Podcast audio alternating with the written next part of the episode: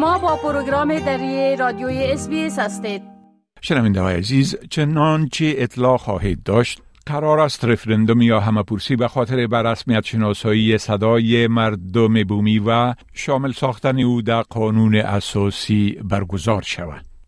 ما اکنون محترم دکتر نظیر داور متخصص امور حقوقی را با خود داریم که ایشان درباره جنبه های مختلف رفرندوم در استرالیا صحبت می کنند. دکتر صاحب نظیر داور با عرض سلام. خب اولتر از همه اگر بگوین که رفرندوم چی است و چرا برگزار میشن نخست سلام های خود خدمت شما تقدیم می‌کنم. شکر سیف گران قدر و طریق شما سلام های خود به همه افغان ما و همکارایتان.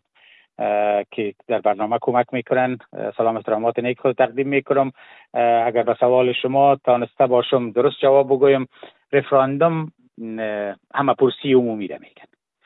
یعنی که در, در یک مسئله که نظر همه مردم از او کشور ضرورت باشه که پرسیده شود ای, ای رفراندوم یا مپرسی میگه و در بعض اوقات تصامیم در کشور به سطوح مختلف باید از طریق یک رفراندوم تصمیم گرفته شود که نظر مردم او در اوی انکاس پیدا می‌کنه با مخاطر امی رفراندوم ها دایر میشه که یکی از او حرفا تغییر در قانون اساسی است. بله یعنی این مسائل است که تنها نماینده های مردم که یعنی در پارلمان هستند اونا در این مورد تصمیم گیریشان کافی نیست و مستقیم به مردم مراجعه میشه. بله؟ بله کاملا شما دقیق گفتین. در مثلا طور مثال در در تبدیل قانون اساسی یا تغییراتی که در قانون اساسی میآید نماینده های مردم چی در House of Representative باشه چی در Senate باشه تصامیمی از یا کافی نیست برای تغییر قانون اساسی. به او خاطر ماده 128 قانون اساسی حکم می‌کنه که باید رفراندوم صورت بگیره تا بتانه که نظر مردم جمع شود. او هم در صورت در حالت صورت می‌گیره که اول به خاطر از او رفراندوم یک bill را از امو اصطلاح bill of act که میرش میگن. او امو قانون یا procedure ش یا ضرورتش از طرف پارلمان pass شود. از هر دو پارلمان و یا از یک پارلمان در سه ماه در مدت دو بار در مدت سه ماه یا از هر دو هاوس آف پارلمان در مدت شش ماه پاس شود با مجاریتی در اون صورتش باز میتانه که به طرف رفراندوم بره و رفراندوم به اساس ماده 128 دایر میشه و نظر مردم جمع آوری میشه. بله خب در استرالیا شما گفتین که یکی از مسائلی که در مورد او رفرندوم دایر میشه او آوردن تغییرات در قانون اساسی است آیا به خاطر مسائل دیگه هم غیر از تغییر آمدن یا آوردن تغییر در قانون اساسی درباره مسائل دیگه هم رفرندوم ها دایر میشه؟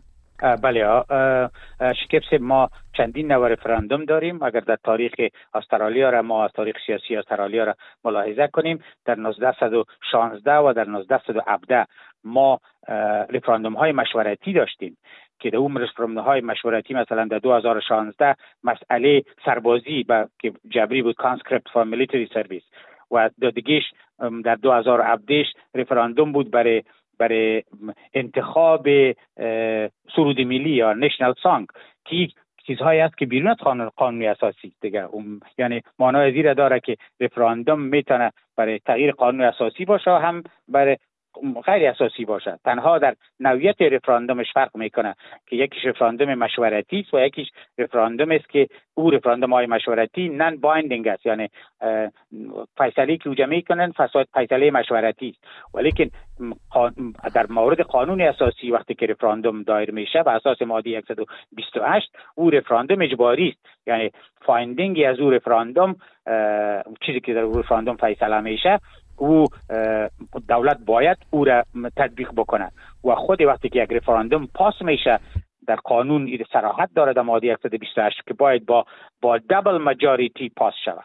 یعنی double majority که ما میگیم pass میشه این معنای زیر داره که در سر تا سر استرالیا majority داشته باشه. در رای گیریش در انتخابش و هم ای که برعلاوی از او در چهار state استرالیا هم majority را داشته باشه یعنی ایره میگن double majority در اون صورتش باز نتایجی از او رفراندوم binding است. بله. خب باز هم این سوال می خواهیم که یک مقدار روشن شود که آیا تطبیق آنچه از یک رفرندوم به دست یعنی نتیجه او حتمی است یا حکومت وقت اگر نتیجه به نفش نباشه یا طرف پسندش نباشه می‌تونه که او را نادیده بگیره اول باید ایده مشوره که یا نتیجه که از رفراندوم گرفته میشه بایندینگ است باید در نظر بگیره. و این هم منطق خود داره. به خاطر از که امو پارلمانی که بلا پاس می‌کنه برای رفراندوم یک پیشنهاد را در رفراندوم پاس می‌کنه.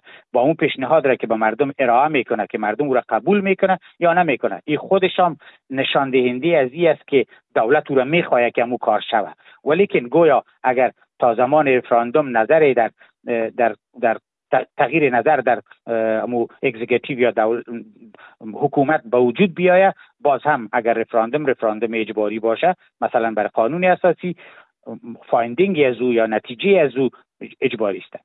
بله. خب و بالاخره آیا رای دادن در یک رفرندوم یا همه پرسی هم مثل انتخابات اجباری است؟ و اگر کسی از رای دادن در او خودداری کنه چی واقع میشه؟ شکر سب رای پرسی یا رفراندوم مثل انتخابات هست. کسانی که 18 سال و بالاتر 18 سال هستند وقتی که رفراندوم دایر میشه باید در او اشتراک بکنن و کسانی که در او اشتراک نکنه مثل که در انتخابات اشتراک نمی‌کنه به اساس ماده 45 Referendum Machinery Provision Act که در 1984 پاس شده در او پنالتی داره و برشان جریمه و تگپا داده میشه. بله خب محترم دکتر نظیر داور از که دعوت مرا برای ای صحبت مهم درباره مقررات رفرندم یا همه پرسی در استرالیا پذیرفتین و از معلومات مفیدی که در این مورد ارائه کردین از شما صمیمانه تشکر می‌کنم و برتان موفقیت آرزو می‌کنم. زنده باشین شکیب سیم همیشه در خدمت هستم. بر شما روز خوب می‌خوایم. بپسندید. شریک سازید و نظر دهید. اسپیس دری را در فیسبوک تعقیب کنید.